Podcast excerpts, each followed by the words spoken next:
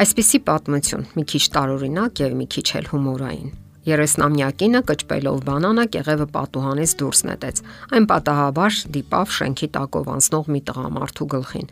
Տղամարդը բարկությունից, թե պարզապես հումորի զգացումից դրտված վերցրեց բանանի կեղևն ու բարձրանալով 5-րդ հարկ այն վերադարձրեց կնոջը։ Այդ հանդիպումը ճակատագրական եղավ նրանց համար։ Նրանք սիրահարվեցին եւ ամուսնացան։ Այս պատմությունը նման է մոխրոտիկի երջանիկ ավարտով հեքիաթին, սակայն այսպիսի ավարտով պատմություններ իսկապես հանդիպում են կյանքում։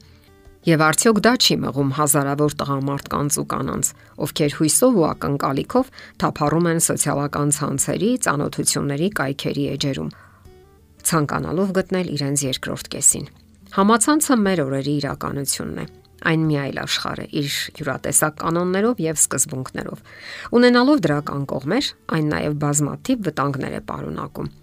Այդ վտանգների մեջ ավելի հաճախ ընկնում են աղջիկներն ու կանայք, հատկապես նրանք, ովքեր հուզական հիմնախնդիրներ ունեն, ընտանեկան, ամուսնական բարդ իրավիճակների մեջ են եւ կարեկցանքի ու սատարման կարիք ունեն։ Բազմաթիվ պատմություններ կան այն մասին, թե ինչպես են նրանք ընկել խափեփաների ձեռքը եւ լավագույն դեպքում դուրս են եկել այդ ծուղակից հուզական ավելի մեծ հիմնախնդիրներով եւ հիասթափություններով։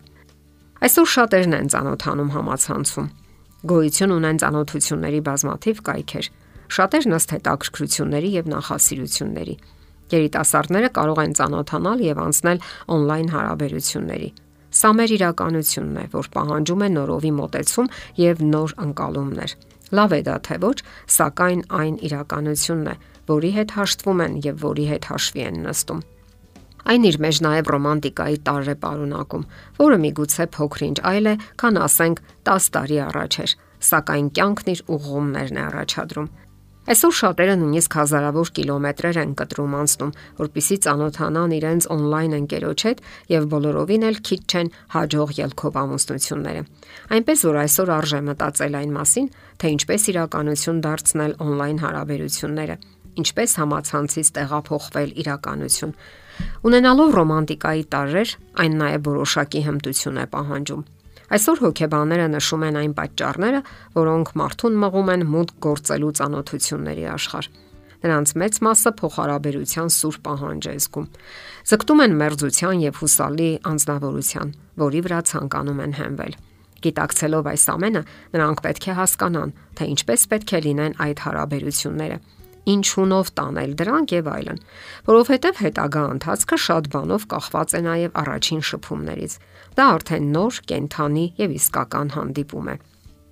Անցնելով համացանցային հարաբերությունների բոլոր փուլերը, դուք փորձում եք իրականություն մտցնել դրանք։ Իսկ գիտեք թե ինչ է պահանջվում ձեզնից, երբ անցնում եք իրական հարաբերությունների։